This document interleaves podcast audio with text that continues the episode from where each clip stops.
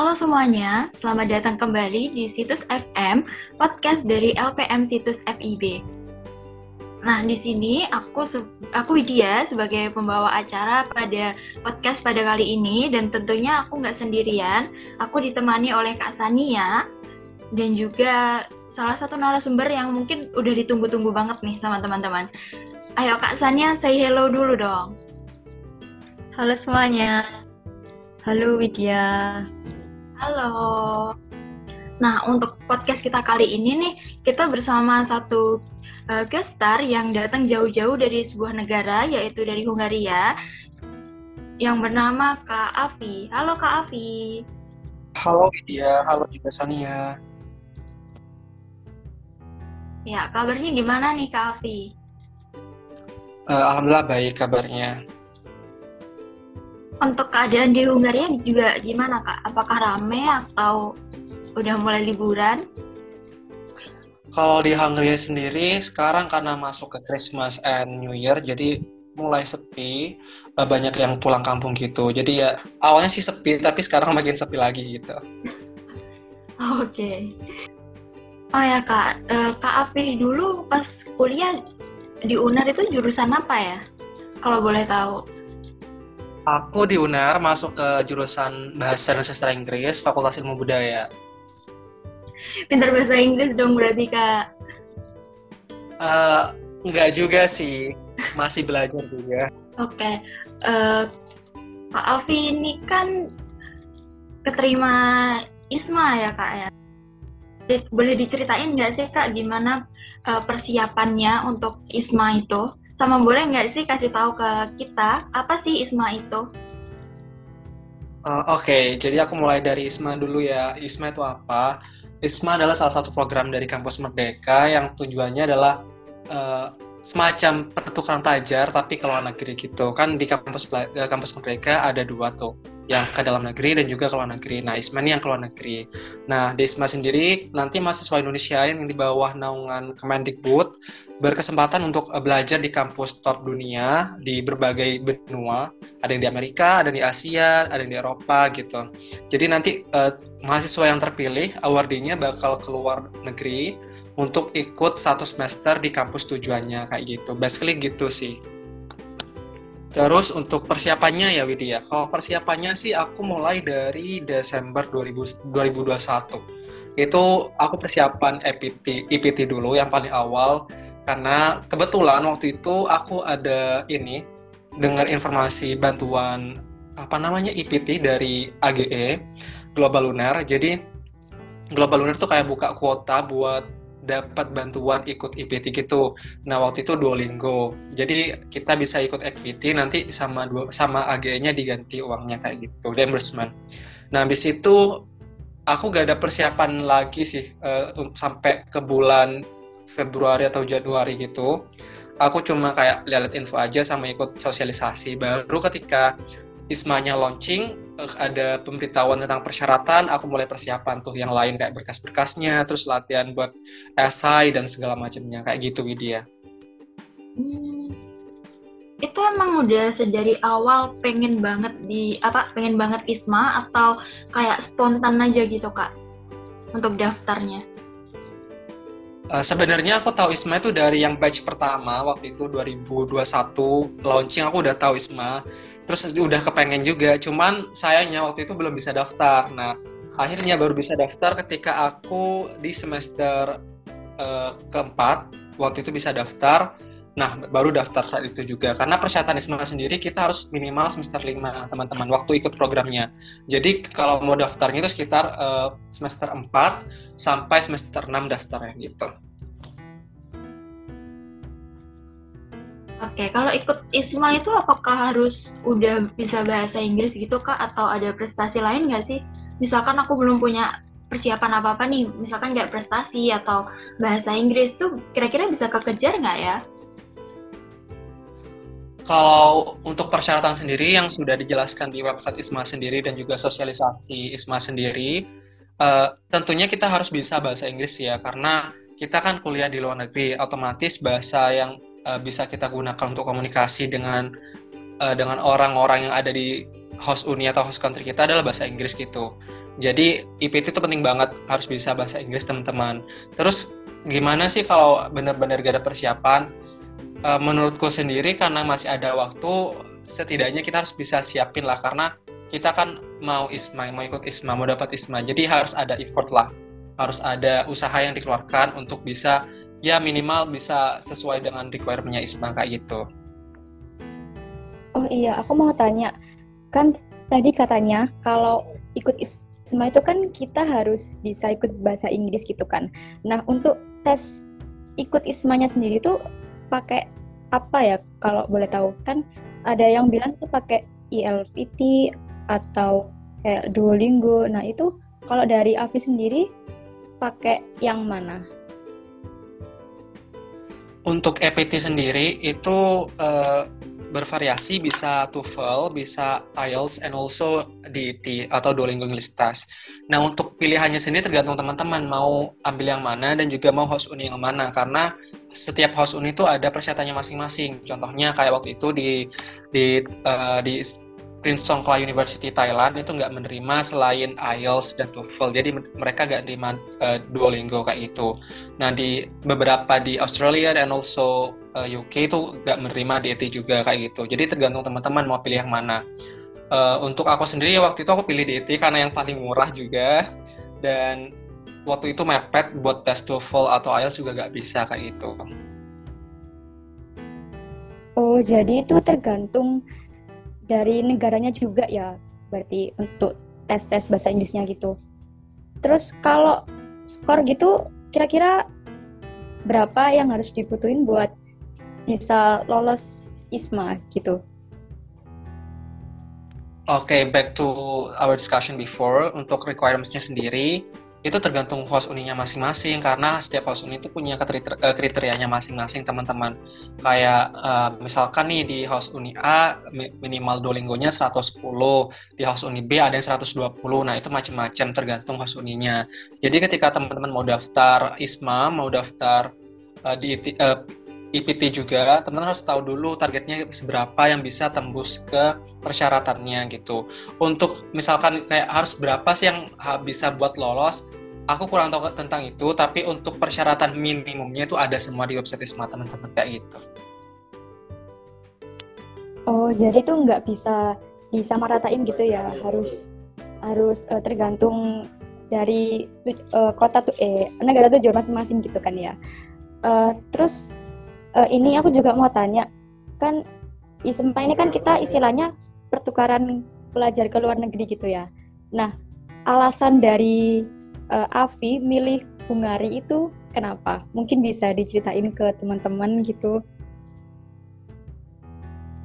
Sebenarnya pilihanku waktu itu uh, Hungary ini pilihan kedua aku karena Isma itu kan nyediain dua pilihan buat uh, calon awardee kan.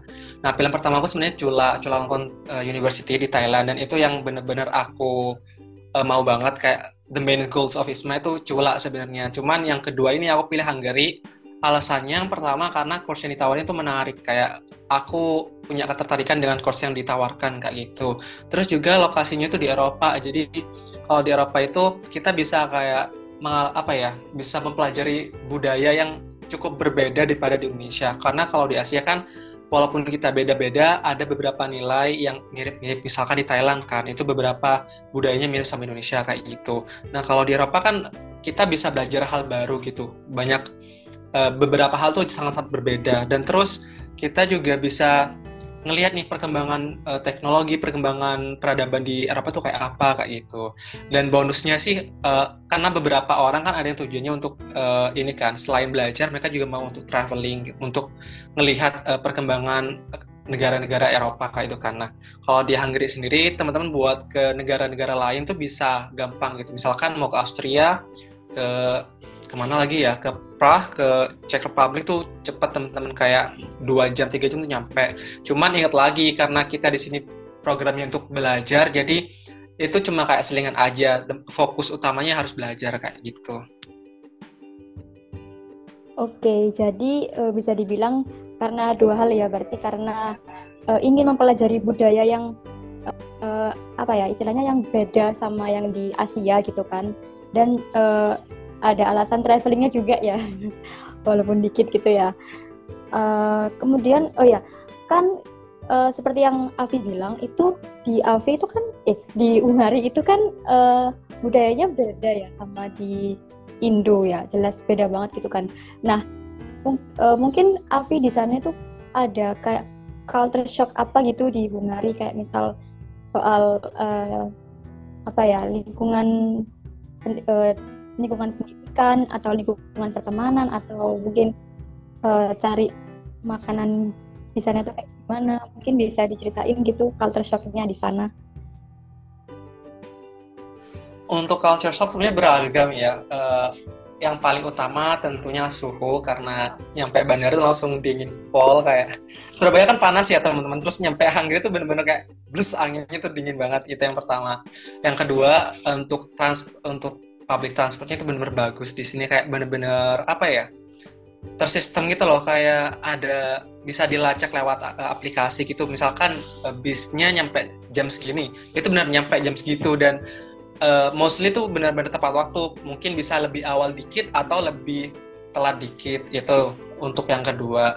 Terus yang ketiga hmm, apa ya di sini yang buat culture shock juga kebanyakan udah cashless. Jadi when we ketika ketika kita mau belanja kebanyakan pakai kartu gitu teman-teman. Udah ya pakai kartu cashless gitu.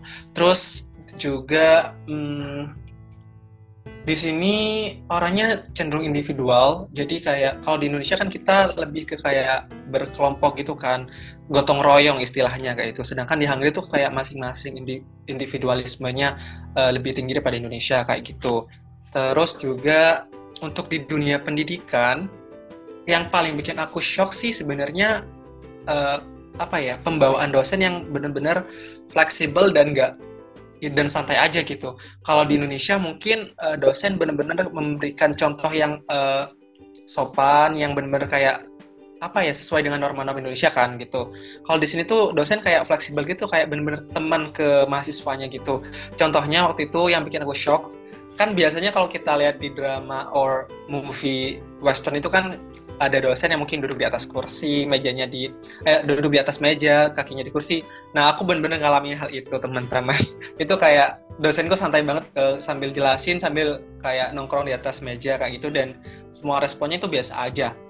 Terus juga untuk uh, untuk di mat, di mata kuliahku sendiri, di sini tuh nggak ada tugas. Kayak bener-bener cuma datang dengerin, udah gitu aja dan juga hal hal lainnya kalau di Indonesia kan kita datang kelas itu ya datanglah sampai akhir gitu kan. Kayak kamu kalau mau keluar harus izin dulu ke dosen harus jelasin kenapa kok mau keluar duluan. Sedangkan waktu itu aku sama teman-teman lagi kelas terus ada beberapa anak Hungary ini yang keluar aja gitu dan kayak ke profesornya say goodbye have a nice day gitu aja. Kayak ya udah santai aja mereka keluar kelas kayak gitu. Itu beberapa sih yang aku notice di sini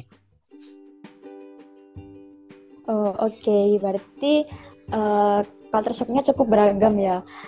Oh ya, yes. uh, masih soal dosen yang tadi itu kan katanya dosen di sana itu cenderung kayak bebas gitu ya, bebas santai gitu kan. Tapi ada nggak sih dosen yang killer gitu istilahnya killer atau galak gitu? Ada nggak? In my experience, aku nggak menemukan dosen yang seperti itu. Semuanya benar-benar kayak ramah, welcome, dan asik gitu mungkin teman-teman wadil yang lain ada tapi untuk caseku sendiri aku gak pernah nemuin gitu sih. Wah enak dong berarti. Oh ya terus kalau dari Avi sendiri itu uh, kalau ke kampus itu biasanya jam berapa ya? Mungkin ya bisa diceritain juga uh, daily activity-nya di sana. Mungkin kayak uh, pagi itu ngapain terus uh, ke kampus itu jam berapa sampai jam berapa gitu. Mungkin bisa diceritain juga nggak Kalau aktivitasku sendiri sih cukup beragam ya teman-teman, karena jadwalnya nggak nggak yang Senin sampai Jumat gitu, karena aku cuma ambil 4 courses di sini. Cuman secara umum pagi itu biasanya kalau kelas pagi aku bangun agak pagi banget sekitar kelas pagi itu tuh sekitar jam 8 jadi aku berangkat dari dorm uh, around berapa ya? Sekitar 7.55 atau 82 eh 7 725 atau 655 dan di sini tuh itu masih gelap banget. Eh, bisa dibandingkan di Indo itu kayak sekitar subuh lah berangkat subuh lah. Kayak itu abis itu kelas. Cuman kalau misalkan kelasku agak siang aku bangunnya tuh santai aja. Abis subuh tuh langsung masak sarapan di dorm gitu. Baru berangkat ke ini ke kelas gitu. Abis kelas biasanya sih kalau gak ada kelas lagi aku pulang sama teman-teman. Atau misalkan lagi butuh sesuatu belanja di di city center atau bisa juga kalau lagi mau belajar di perpus di perpus. Karena perpus ini tuh enak banget teman-teman. Kayak kalau nggak salah ya perpusnya universitas itu salah satu perpus terbaik di Central Europe. Jadi why not? I use this facility gitu kan. Terus abis itu ya udah pulang ke dormitory. Ya lanjutin aktivitas sehari-hari makan terus istirahat. Nanti malamnya kadang belajar atau main sama teman. Udah gitu aja sih wah bisa dibilang enak juga ya di Hungari gitu.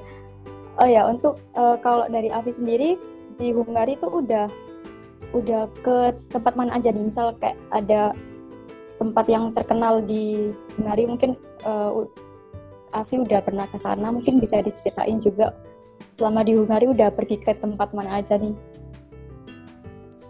Uh, di Hungary aku masih ke tiga kota aja tapi untuk di kota tinggalku sendiri di Saget aku cukup explore beberapa karena uh, fortunately I have a class yang kelasnya itu field trip. Kayak inti kelasnya adalah belajar budaya Hungary. Jadi kita field trip ke tempat-tempat bersejarah dan tempat budaya kayak gitu. Kalau secara rincinya secara rincinya aku di Saget pernah ke sebuah menara air yang bersejarah pernah kunjungan juga ke laboratorium uh, sinar sinar sinar sinar apa ya? Lupa ultra ultrasonik kalau nggak salah. Terus juga uh, pernah ke sekolah di sini ke sekolah bilingual and also kindergarten. Pernah ke library juga library yang isinya kayak dari zaman dahulu tuh udah ada gitu. Uh, library-nya orang terkenal di sini tokoh terkenal di sini. Terus pernah juga yang unik ke museum penyihir. Pernah juga ke museum eh bukan museum National Park itu kayak isinya kayak semacam ini teman-teman. Kalau di Indonesia Taman Mini Indonesia Indah kali ya cuman dia lebih kecil.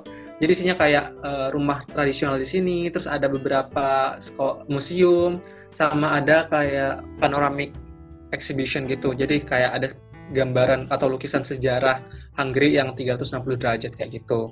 Untuk di kota lain di Budapest aku udah pernah ke ini Parliament Building, uh, the the most famous one. Pernah ke Fisherman Bastion and also pernah ke Buda Castle. Terus terakhir kali ini aku ngunjungin katingku juga yang dari Sasing Uner. Di, kebetulan dia tuh di patch, jadi aku ke patch waktu itu main sama dia dan beberapa dan pergi ke beberapa tempat. Yang paling uh, utamanya sih waktu itu ke Masjid Qasim merupakan salah satu masjid yang awalnya tuh masjid kan, tapi sekarang beralih fungsi jadi gereja kayak gitu. Menarik juga nih. Aku jadi uh, kepengen ke Hungari nih gara-gara denger cerita dari Afi. Kayak jadi pengen ikut ISMA gitu. oh ya, topik ya. Tadi kan kita bahas ISMA. Nah, di ISMA itu kan kita ada ini ya katanya tuh ada esai sama interview gitu. Nah mungkin bisa diceritain gitu uh, mengenai tips-tips bikin esai buat Isma itu gimana dan mungkin juga bisa di spill juga interview waktu Isma itu gimana atau mungkin juga pengalaman dari Afi sendiri pas interview itu gimana mungkin bisa diceritain. Uh, mungkin dari essay dulu ya. Aku nyiapin essay itu sekitar berapa ya? Aku lupa kalau waktunya, cuman agak lama juga. Nah, tipsnya itu buat essay, waktu itu aku banyak proofread dari alumni-alumni tahun kemarin yang batch satu. Terus juga sering review aja teman-teman. Terus yang paling penting buat essay sih kataku ya, menurutku ya, uh, teman-teman harus bisa reflect ke diri sendiri kayak kadang kita kan lupa pengalaman apa yang kita dapetin terus apa yang udah kita lalui. Nah eh, teman-teman harus bisa tuh kayak dig dig more tentang itu karena itu penting banget buat menyampaikan atau branding diri kita ke, uh, ke interviewer gitu kan.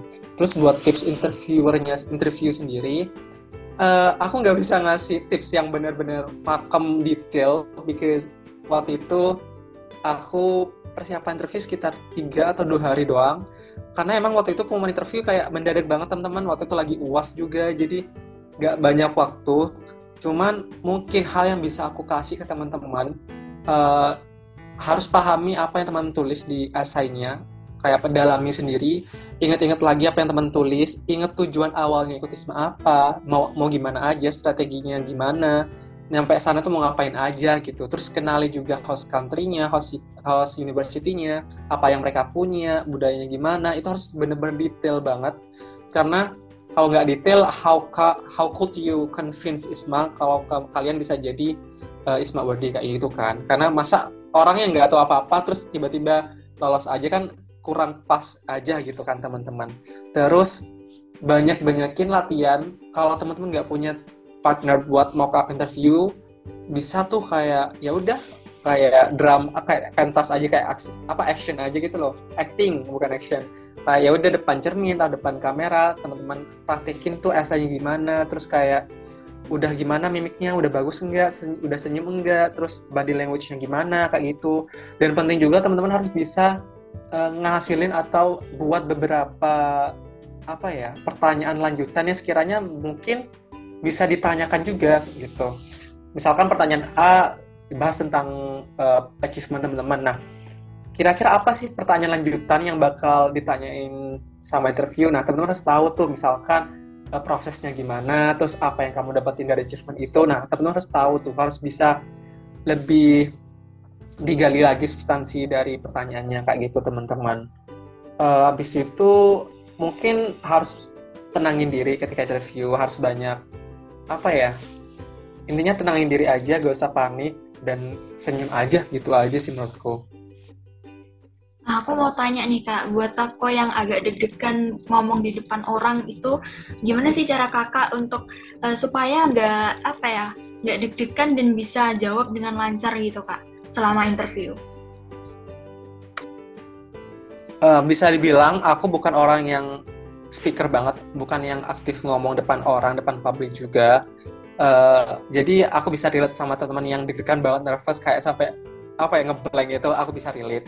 Mungkin tipsku sendiri karena sebenarnya kalau kita deg-degan kan teman-teman uh, bisa ada dua kemungkinan kan. Kita nggak menguasai apa yang kita mau sampaikan dan juga kita uh, apa ya kurang persiapan. Nah, dua hal ini tuh harus bisa teman-teman teman-teman tanggulangi, harus bisa di diatasi gitu. Atau mungkin ada penyebab yang lain harus bisa teman-teman kendalikan juga kayak itu misalkan teman-teman kayak waktunya mepet terus gak punya waktu persiapan panjang. Nah, caranya ya teman-teman harus uh, manfaatkan waktu sempit itu buat selalu latihan, harus bisa pahami uh, isi dari yang mau disampaikan kayak gitu. Terus misalkan kurang uh, kurang paham tentang yang mau dibicarakan, harus bisa tuh dipahami dulu kayak gitu. Intinya gitu sih, simple tipsnya kayak gitu. Terus kadang kita kalau interview itu kan kayak uh, terlalu overthinking kan kayak aduh gimana ya reaksinya interviewer, reaksinya uh, jurinya gimana. Nah, menurutku sih itu gak usah terlalu kepikiran hal itu ya karena kadang apa yang kita pikirkan itu lebih buruk daripada apa yang terjadi. Itu sih yang aku pegang. Jadi ya udah santai aja bawa enjoy aja, sampaikan sesuai apa yang ada dan presentasikan dirimu dengan baik gitu aja sih menurutku. Oh oke, okay. berarti uh, kesimpulannya kalau kita interview itu harus tetap tenang gitu ya. Kalau saat terlalu banyak overthinking malah takutnya itu malah jadi ngeblank gitu kan. Terus kalau interview gitu emang uh, pakai bahasa Inggris gitu nggak sih atau uh, masih pakai bahasa Indonesia gitu terus untuk interview gitu teknisnya gimana ya lewat online atau gimana Iya waktu itu aku interviewnya pakai bahasa Inggris teman-teman dan semua awardee uh, pasti kayaknya pakai bahasa Inggris ya. Terus untuk teknisnya sendiri uh, waktu itu kita pakai uh, Zoom meeting. Jadi kayak setiap award itu punya jadwalnya masing-masing. Misalkan waktu itu aku hari Rabu jam segini, jadi harus datang jam segitu uh, ke Zoomnya. Udah gitu aja. Dan setauku sih untuk tahun ini nggak ada yang offline ya. Tahun kemarin juga online semua. Jadi mungkin akan selalu online karena bakal banyak banget pesertanya kalau offline dan agak ribet juga mungkin ya. Terus terus gitu kalau yang nge-interview itu dari orang Indo atau dari orang luar ya? Karena kan katanya pakai Inggris gitu. Pakai apa? Uh, kan tadi katanya kalau interview itu pakai bahasa Inggris gitu kan.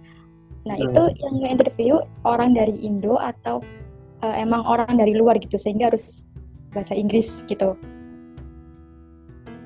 Kalau yang interviewernya sih orang Indonesia, cuman uh, tetap pakai bahasa Inggris gitu, Sania. Oh gitu, berarti bisa dibilang cukup susah ya, apalagi kita tuh harus ngomongnya bahasa Inggris gitu. Soalnya aku pribadi ngomong bahasa Inggris di kehidupan sehari-hari aja udah susah gitu, apalagi ketika harus ngomong bahasa Inggris di waktu interview gitu. Kalau menurut Widya sendiri gimana Wid? Aduh, sebenarnya Isma ini seru banget ya kak, tapi kok agak takut di bagian wawancaranya karena pakai bahasa Inggris ya. Buat apa yang agak gak terlalu bisa ini agak deg-degan nih. Oh iya, aku mau tanya dong, selama Avi selama kuliah di Hungari itu pernah nggak sih kayak ngerasa gimana ya? Kayak aku sendiri kan e, di UNER gitu ya, kadang kayak ngerasa capek, ngerasa down. Aduh, aku capek, aku pengen uh, apa ya aku pengen resign. Maksudnya pengen resign dari uner gitu. Tapi nggak ya nggak beneran gitu kan kayak cuma cap, uh, lagi capek aja. Tapi kalau aku sendiri pernah nggak sih ketika kuliah di Hungary terus kayak ngerasa kesusahan dan kayak aku nggak bisa ngelakuin ini aku pengen aku pengen pulang aku pengen berhenti gitu. Pernah nggak sih? Dan kalau misalkan pernah itu gimana caranya uh, buat Avi supaya bisa tetap bertahan nyelesain studi di Hungari ini sampai satu semester? Uh, menurutku sendiri setiap orang pasti punya uh, punya pengalaman susahnya masing-masing ya karena sebagai manusia biasa hidup pasti gak mulus-mulus aja gitu. Uh, aku pernah bukan pernah sih sering waktu itu ngalami kendala dalam hal akademik Uh, yang pertama waktu itu baru datang, aku langsung datang kelas. Kelas itu tentang Amerika, kayak tentang budaya, berpolitik dan ekonominya Amerika. Dan waktu itu aku belum pernah belajar hal itu secara detail dan uh, belum pernah belajar dalam lingkup yang pakai bahasa Inggris, bahasa pengantarnya gitu kan. Terus waktu itu dosennya uh, kebetulan orang Hungary. Terus uh, beliau ngomongnya bahasa Inggris tapi aksen Hungary itu sih bener-bener kayak bener-bener kayak tekanan yang langsung apa ya kuat gitu loh. Soalnya pertama materinya sulit yang kedua aksennya itu sulit gitu. Karena kalau kita misalkan aku sendiri kan anak sastra Inggris ya aku sering tuh kayak ada matkul yang listening dengan berbagai aksen. Cuman aku nggak pernah dengar aksen Hungary sebelumnya. Dan ternyata itu sulit teman-teman. Sampai waktu itu kayak aduh sampai panik deg-degan banget kayak aduh gimana ya kalau aku nggak lolos matkul ini? Karena sulit banget. Karena selama satu kelas satu uh, satu pertemuan kelas itu aku kayak cuma bisa catch up mungkin 20 atau 30 persen dari isi materinya. Karena benar-benar materinya sulit dan juga nggak paham apa yang disampaikan sama dosennya. Terus pernah juga waktu itu uh, kayak materi itu sulit banget dan lagi waktu itu mau UTS sedangkan waktu yang disediakan tuh sempit banget kayak mepet banget. Di sini tuh kalau ujian tuh gak ada minggu tenang gitu teman-teman kayak langsung ujian gitu. Nah itu stresnya bener-bener stres banget. Sampai saat aku sama temen-temen kan belajar bareng itu aduh gimana ya gak ngerti sama isi materinya. Terus sedangkan materinya masih banyak kayak gitu. Nah buat cara ngatasinya sendiri uh, ada beberapa hal yang aku lakuin. Yang pertama aku pasti cicil pelan-pelan tenangin diriku dulu. Terus aku cicil pelan-pelan dan ya udah aku aku gak apa ya aku kerjakan sebisaku dulu gitu. Terus untuk evaluasinya sendiri mungkin aku harus sering-sering belajar dan juga baca buku. Istilahnya aku cicil lah jangan sampai kayak misalkan mau ujian minggu depan aku kerjain semuanya sekarang belajar sekarang. Itu gak bisa banget sih karena materinya agak berat dan dan banyak gitu. Terus kalau misalkan teman-teman ngerasa breakdown kayak ngerasa aduh aku gak kuat banget uh, ikut ISMA ini materinya sulit gitu. Uh, menurutku teman-teman harus ingat tujuan teman-teman ikut ISMA ini apa sebelumnya harus bisa tahu bisa ingat kembali gimana perjuangannya teman-teman ngalahin ribuan orang gitu. Karena dengan ingat hal-hal itu menurutku bisa meningkat latihan motivasi karena kadang motivasi kan turun turun uh, kayak naik turun itu kan teman-teman. Jadi harus bisa kayak pertahankan motivasi itu supaya tetap stabil. Jadi kalau teman-teman punya motivasi yang kuat punya effort yang kuat I think uh, sebesar apa pun kendalanya sebesar apa pun batu kerikil yang halangi jalan pasti bisa dijalani lah walaupun agak terseok-seok ya. Gitu Sania. Oh oh, oh sama aja ya walaupun kita kuliah di Indo atau kuliah di Bulgaria itu uh, sama-sama ada ada struggle-nya ada rasa capeknya juga gitu. Mungkin kayak sebagian orang oh, uh, enak ya kuliah di luar negeri gitu jalan-jalan bisa refreshing. Tapi di balik itu ya juga ada suka dukanya gitu kan. Uh, ada ya, ada rasa capek juga sama seperti kita yang kuliah di sini gitu. Bener nggak Afi? Iya bener. Sebenarnya mungkin ada beberapa hal yang berbeda struggle-nya. Mungkin bahkan lebih berat daripada di Indonesia. Cuman uh, kita nggak expose aja teman-teman kayak gitu karena malu gitu. Oh iya aku mau tanya nih. Ini ini kan udah di akhir tahun 2022 terus uh, di UNED sendiri kan juga udah ini kan kita udah selesai UAS udah memasuki waktu liburan. Nah kalau di Hungari sendiri, nah, apa uh, udah masuk semester dan kira-kira untuk balik ke Indo lagi gitu kapan ya kira? Oke, kalau di Hungary sendiri di kampusku sekarang tuh lagi UAS, tapi karena pergantian bu, uh, tahun, jadi ada winter break sekalian Christmas and New Year break gitu, holiday dan nanti bakal lanjut di awal tahun sampai akhir Januari itu UAS. Jadi ada UAS, ada yang perbaikan nilai segala macam gitulah. Untuk pulangnya sendiri, aku bakal pulang di akhir Januari dan kemungkinan sampai di Indonesia insya Allah awal Februari gitu sannya. Berarti ini kamu tahun baruan di Hungari dong berarti? Iya di Hungary. Kalau di sana sendiri gimana nih keadaannya? Apa menjelang akhir tahun itu banyak festival atau gimana gitu? Kalau festival kayaknya nggak ada yang festival khusus gitu. Terus aku kurang tahu juga apakah ada countdown or not in Budapest di capital city-nya cuman karena di Desember ini ada Christmas jadi dari awal Desember itu udah banyak Christmas market gitu. Kayak di di kotaku sendiri ada di Seget terus di Budapest juga ada. Nah uniknya itu kalau di Seget uh, Christmas marketnya itu kayak ada pertunjukan rutin gitu loh teman-teman. Kayak waktu itu ada pertunjukan api terus pernah juga ada pertunjukan drama anak-anak kecil gitu. Terus juga pernah waktu itu ada konser terus juga pertunjukan budaya-budaya gitulah. Jadi kayak setiap waktu uh, setiap uh, waktu tertentu tuh ada pertunjukan khususnya gitu. Jadi seru banget gitu. Terus ada kita bisa kayak enjoy traditional dishesnya Hungary itu karena ya ke pasar malam di Indo gitu loh. Cuman bedanya di sini untuk Christmas dan juga mungkin ada beberapa hal yang beda ya. Suhunya dingin terus ada api unggunnya gitu di pinggir-pinggirnya kayak gitu.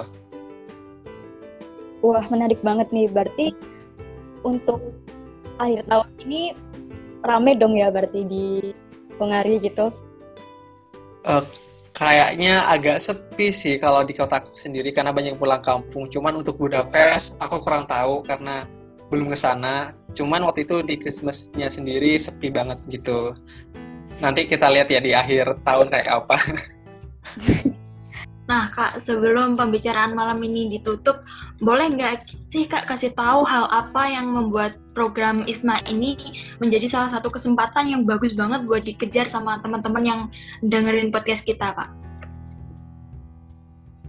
Uh, mungkin buat teman-teman yang tertarik ISMA, aku cuma bilang kalau ISMA itu uh, program yang sangat-sangat keren. It's like life changing moment for you karena kita bisa ngerasain banyak hal bisa uh, refleksikan banyak hal ketika Isma terus kayak kapan lagi teman-teman bisa ngerasain belajar di kampus top dunia fully funded pula. Kayak why not gitu? This is a gold chance for you untuk ngerasain itu. Terus juga apa ya selain dapat pengalaman belajar terus bisa uh, expand atau memperluas koneksinya teman-teman bisa studi banding juga sama negara host uh, negara temannya uh, negara host country teman-teman gitu kayak misalkan di Indonesia gak ada ini di country teman-teman ada itu. Nah itu bisa teman-teman pelajari. Mungkin nanti suatu saat teman-teman uh, bisa implementasikan itu di Indonesia. Nah itu kan keren banget kayak itu teman-teman. Terus teman-teman bisa kayak hal yang aku rasain sih uh, ketika di sini aku ngerasa kayak semakin bangga jadi orang Indonesia kayak itu. Aku masih ingat uh, perjuanganku sama teman-temanku di sini um, menyelenggarakan acara budaya atau festival budaya Indonesia. Dan respon orang sini tuh kayak seneng-seneng semua, bener-bener rame banget acaranya. Dan saat itu kita ngerasa kayak Indonesia kayak banget loh kayak keren banget kita bisa ngebawa Indonesia di mata dunia. Dan orang-orang di sini tuh pada suka sama uh, sama budaya Indonesia sama misalkan sama batik sama makanan jadi buat teman-teman ayolah kita ikut bantu promosikan itu gitu melalui ISMA ini jadi kayak bukan cuma belajar doang teman-teman bisa belajar banyak hal di luar akademik dan juga bisa ngebantu buat uh, mempromosikan budaya Indonesia kayak gitu. Jadi buat teman-teman yang tertarik kuatkan uh, tekadnya, ayo kita kejar bersama kayak gitu. Nah, Mas nih apalagi kan kita dari FIB ya, Fakultas Ilmu Budaya. Jadi ya siapa lagi yang bakal mengenalkan budaya Indonesia ke luar ke luar negeri kalau bukan dari kita sendiri ya, Afi. Iya benar. Jadi udah mahasiswa FIB harus bisa dong kayak mempresentasikan budaya Indonesia kayak gitu. Nah benar Kak Sania dan Kak Afi, apalagi kan banyak banget ya manfaat yang bakal kita dapetin nih dari ISMA. Nah teman-teman, ternyata kita udah sampai di penghujung acara. Terima kasih untuk Kak Afi yang udah mau sharing-sharing uh, pengalamannya gimana ikut ISMA dan juga gimana kehidupan di sana. Semoga lancar lancar-lancar di sana ya Kak, sampai pulang ke Indonesia. Amin. Makasih Widya, makasih juga Sania kesempatannya. Ya, terima kasih Kak. Nah, buat teman-teman, makasih banget udah ngedengerin pembicaraan kita dari awal sampai akhir.